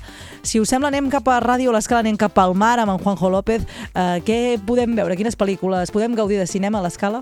Doncs sí, tenim bones notícies perquè podem gaudir de cinema a l'escala. Per als amants del cinema que siguin de l'escala o pobles propers al municipi costaner, aquesta nit de 10 a 12 de la nit, gràcies a l'activitat anomenada Cinema a la Fresca, organitzada pel Centre Esportiu i Recreatiu de l'Escala i el Centre Cultural Municipal, Xavier Vilanova s'emetrà la segona part de la pel·lícula Los Increïbles, en aquest cas Los Increïbles 2, que qui no l'hagi vist la recomano perquè ja sigui amb la família, si tens nens o el que tinguis, jo la recomano molt perquè és una pel·lícula molt divertida, molt entretinguda. La reproducció d'aquesta pel·lícula es celebrarà a la platja La Cantada de Vaneres de la Penya Blaugrana i una de les novetats enguany és que al final de cada sessió es sortejarà un DVD de la pel·lícula projectada. Vull dir, és un extra bastant interessant i que jo crec que us pot interessar per, per anar-hi. A més a més, una pel·lícula que tu comentaves, anar-hi en família pot ser ideal, però també els adults, eh? perquè hi ha molts adults, per què no dir-ho, que, que ens agraden els dibuixos eh, animats. exacte. L'animació no només és per nens, sinó també eh, que és per adults. Eh, anem a, cap, a, cap a Salrà, Ràdio Salrà, Lluís Salabert. Què tenim eh, de cinema? Doncs avui també tenim cinema a la fresca, això és una mica un pique, no?, entre l'escala i Madremanya. Serà cinema a la fresca eh, aquest divendres a les 10. Uh, Mary Poppins Returns. Torna la Mary Poppins. És la versió actualitzada d'aquesta coneguda pel·lícula. Es fa davant del Centre Intergeneracional Rural a les 10 del vespre. Uh, són, fa 55 anys de la primera versió i torna aquesta versió feta l'any 2018 L'escenografia és del mateix estil que la, que la primera versió eh, i els efectes ja són del segle XXI, digit, digitalització dels efectes, és eh, molt xula i tot i que la, a aquella època la, la primera versió la, tenia uns efectes que vistos ara eren prou correctes. Fins aquí. Doncs eh, repassarem una mica el que podreu veure als Cat Cinemes, a la sala multicinemes d'aquí de, de Figueres. Eh, Josep, tu que tens aquí davant la cartellera, quines estrenes ens arriben aquesta setmana? Doncs mireu, arriben diferents estrenes. Arriben diferents estrenes. En primer lloc, eh, Los Japón, una pel·lícula del cine espanyol que us recomanem perquè és d'allò més divertida. També trobarem Los Muertos no mueren, que eh, és una comèdia de zombis que també eh, és molt divertida, us la recomanem des d'aquí. Els dies que vindran, que és un drama, cinema català, una jove parella que fa poc que, que surten, la dona queda en estat i a partir d'aquí es desenvolupa tota una trama també molt interessant. I finalment el Muñeco Diabólico, terror, el típic ninot terrorífic, un clàssic del cinema que també us recomanem. També podeu veure Toy Story 4, Aladdin, Godzilla, El rei de los monstruos, La influencia, Men in Black, La biblioteca de los libros rechazados, Tu mejor amigo, Un nuevo viaje i moltes més pel·lícules que pròximament s'aniran estrenant i que us recomanem. Doncs uh, fet aquesta repassada a les nostres cartelleres, uh, si us sembla, abans de sentir el nostre crític, uh, si us sembla fem el primer sorteig de la primera entrada, així donem temps als nostres oients que ens estan seguint aquí al Mar, Mar i Muntanya a través de qualsevol de les ràdios que participen, les recordem, Ràdio L'Escala, La Veu de Sant Joan, Ràdio Salrà, Ràdio Vilafant, Ràdio Llançà i Ràdio Montgrí.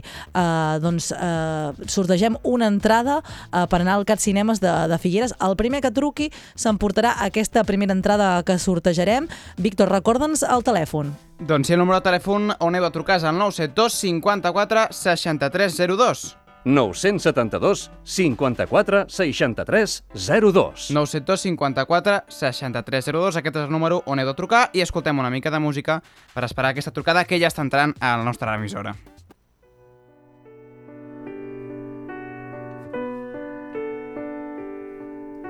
Fue la verde luz que sale de tus ojos, esa luz que alumbra la distancia entre tú y yo, que llena de esperanzas mi renglón, esa luz que recompone lo que compone, esa luz.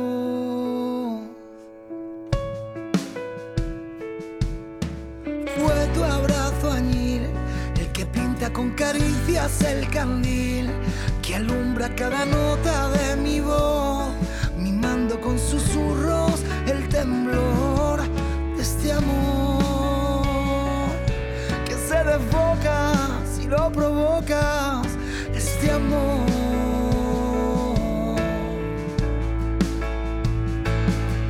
Fue un abrazo de tu amor con guantes, con sonrisas que me regalabas. El saber que to je čo.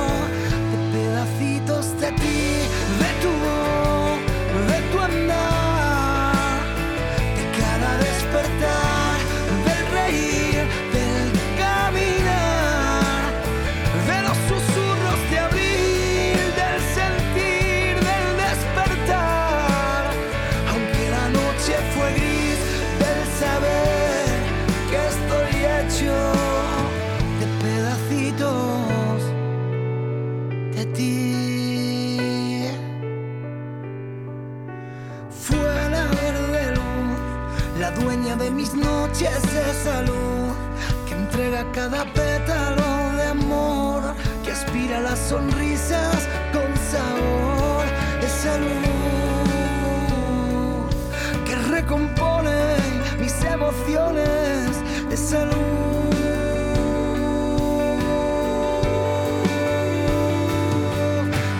Doncs tenim la primera guanyadora, que és de llançar. Uh, la, la saludem. Uh, benvinguda al Mar i Muntanya. Enhorabona. Hola, Enhorabona. Quina pel·lícula aniràs a veure? Ja ho saps? la de Toy Story. La de Toy Story. Uh, uh, aniràs sola, acompanyada? Esther?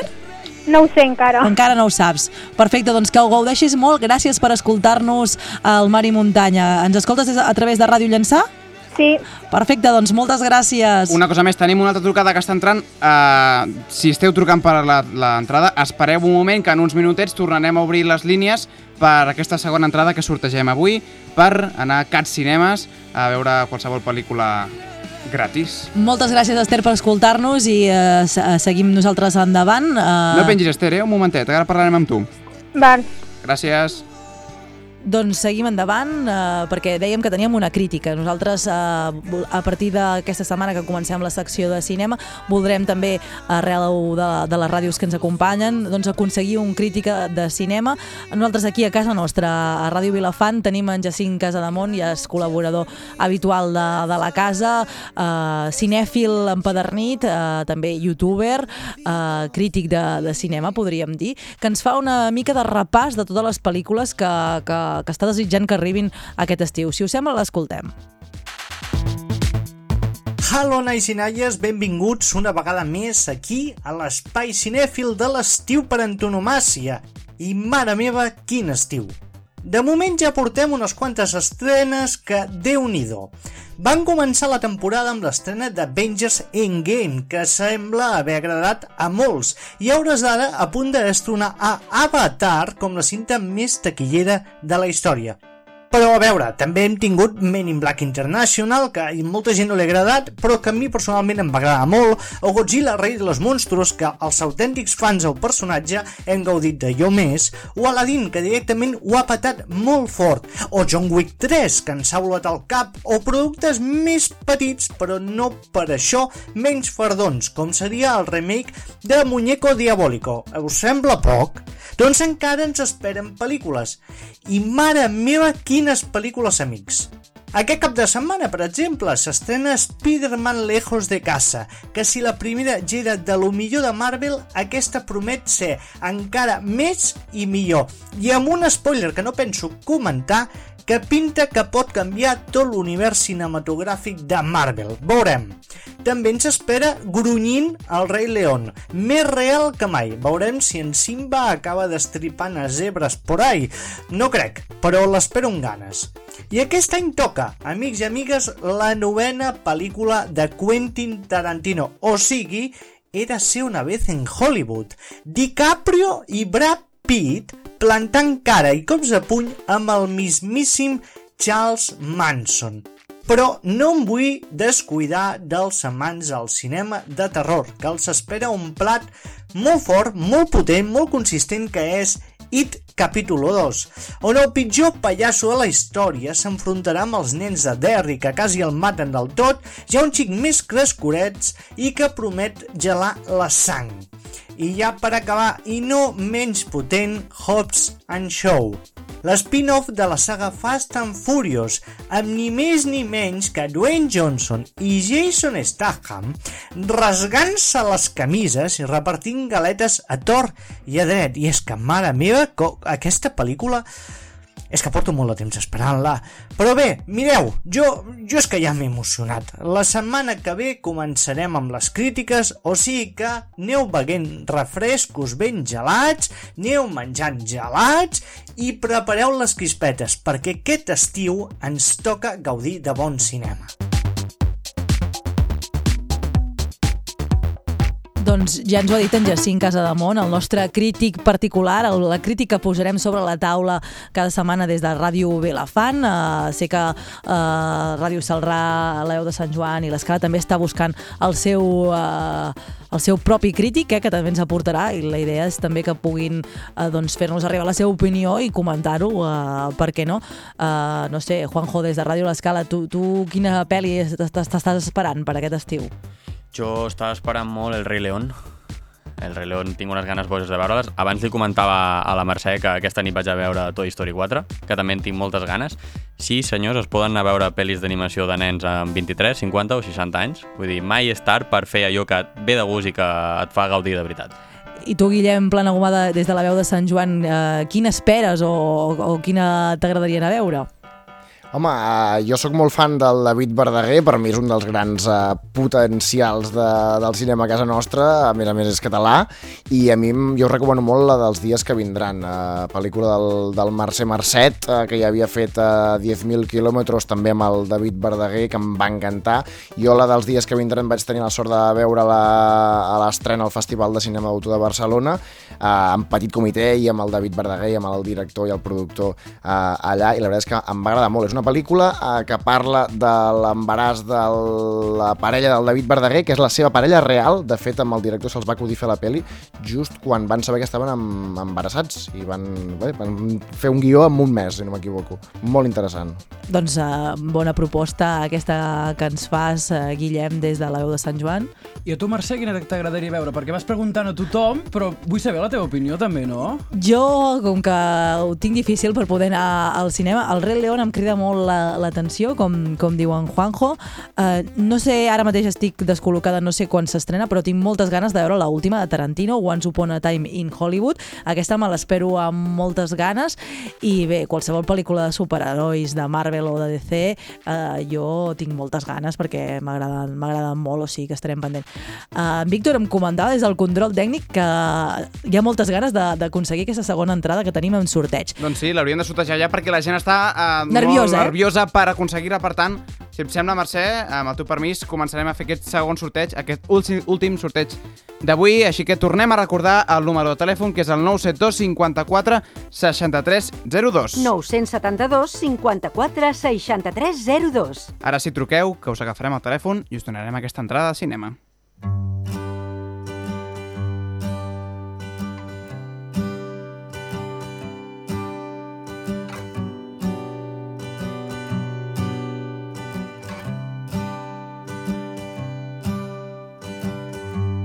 know a place you can come there whenever you hurt.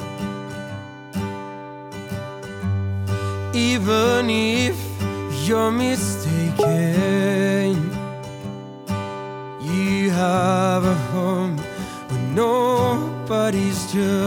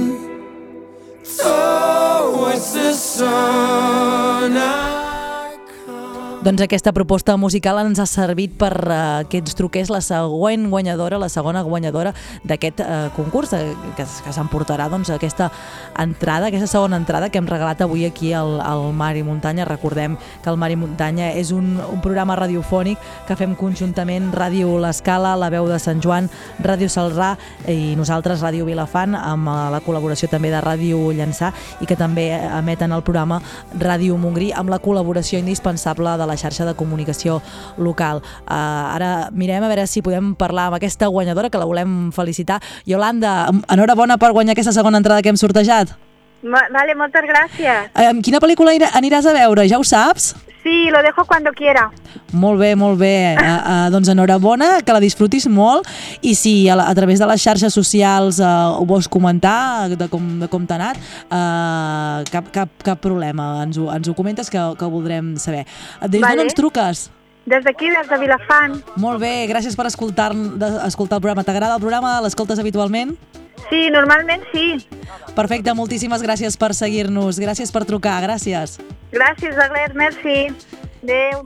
I nosaltres eh, seguim endavant. La Yolanda podrà anar a gaudir del, del cinema i estem eh, molt contents eh, per ella. Veurem a veure eh, quines pel·lícules podrem anar a veure i si algun dels nostres oients que ha guanyat algun dels premis que li hem sortejat aquí a través del Mar i Muntanya vol comentar a través de les nostres xarxes socials o a través de les xarxes socials de Ràdio L'Escala o de la veu de Sant Joan o de Ràdio Salrà o de Ràdio Llançà volen comentar doncs, com els hi ha anat, ostres, eh, o penjar una fotografia. Ei, guiteu que bé que m'ho he passat eh, gaudint de l'entrada que em vau regalar al Mar i Muntanya tal dia. Doncs nosaltres estarem encantats de llegir-ho i si fa falta ho comentarem en directe perquè volem saber les vostres opinions. Ens agrada, ens agrada que ens, aquest feedback eh, amb els nostres oients i per tant estarem molt contents de saber les vostres opinions. Ens encanta eh, que ens truqueu, ens encanta que ens digueu coses, o sigui, si durant el directe ens voleu trucar per dir-nos qualsevol cosa, també també ho poden fer.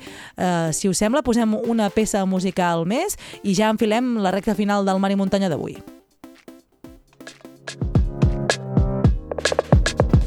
Que necesitas un ride, bueno, me puedo acostumbrar. El millor de l'estiu a casa. Mar i muntanya. No se me vaya a pegar.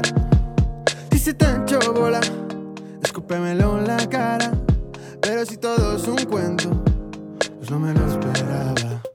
No me escabulles si quiero contarte lo ocurrido. A veces esto parece, esto no va contigo. Si se te ha hecho bola, escúpemelo en la cara. Pero no digas cuento, ni más emboscada, ni más emboscada, ni más emboscada. Cuando callas otorgas, cuando callas otorgas,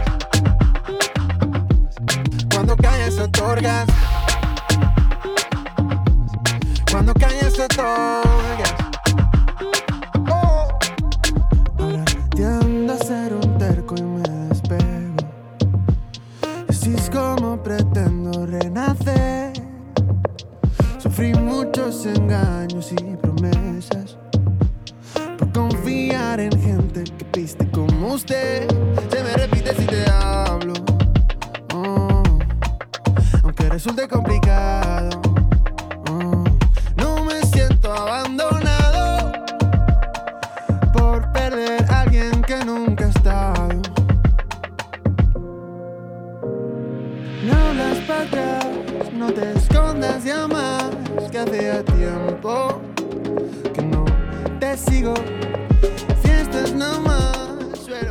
Amb aquest tema musical anem acomiadant el programa d'avui, aco- acomiadant el, el mar i muntanya amb aquest Cuando calles eh, de Vic Miralles, eh, que en en Guillem Planagumà de la veu de Sant Joan li encanta. Guillem, gràcies per estar amb nosaltres al Mar i Muntanya d'avui. Fins demà. Guillem? Ei, moltes gràcies, sí, ara, ara no ho sentia. Molt bé, doncs fins demà i Vic Miralles, bona recomanació. Ens veiem demà a Vilafant, eh, Guillem? Ens veiem demà, ens veiem demà, ens veiem demà, que demà serà programa especial i també alguns ens posarem les cares perquè hem anat eh, coneixent-nos a, a nivell vocal, hem fet reunions virtuals, però alguns encara no ens coneixem. Uh, des de Ràdio Salrà, uh, Lluís Sala Salabert, uh, moltes gràcies per acompanyar-nos en el Mar i Muntanya d'avui. Ens veiem demà. Demà a Vilafant. Fins demà. T'esperarem. Uh, Juanjo López, des de Ràdio L'Escala, també ens veiem demà. I tant, que hi ha moltes ganes ja de demà veure'ns tots. Doncs sí, uh, demà estarem tots junts a la piscina de Vilafant.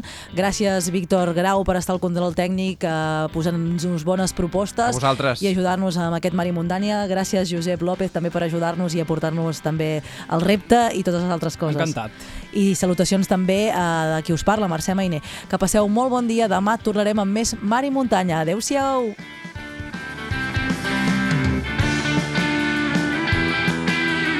Mar i Muntanya, un programa de Ràdio L'Escala, La Veu de Sant Joan, Ràdio Salrà i Ràdio Vilafant.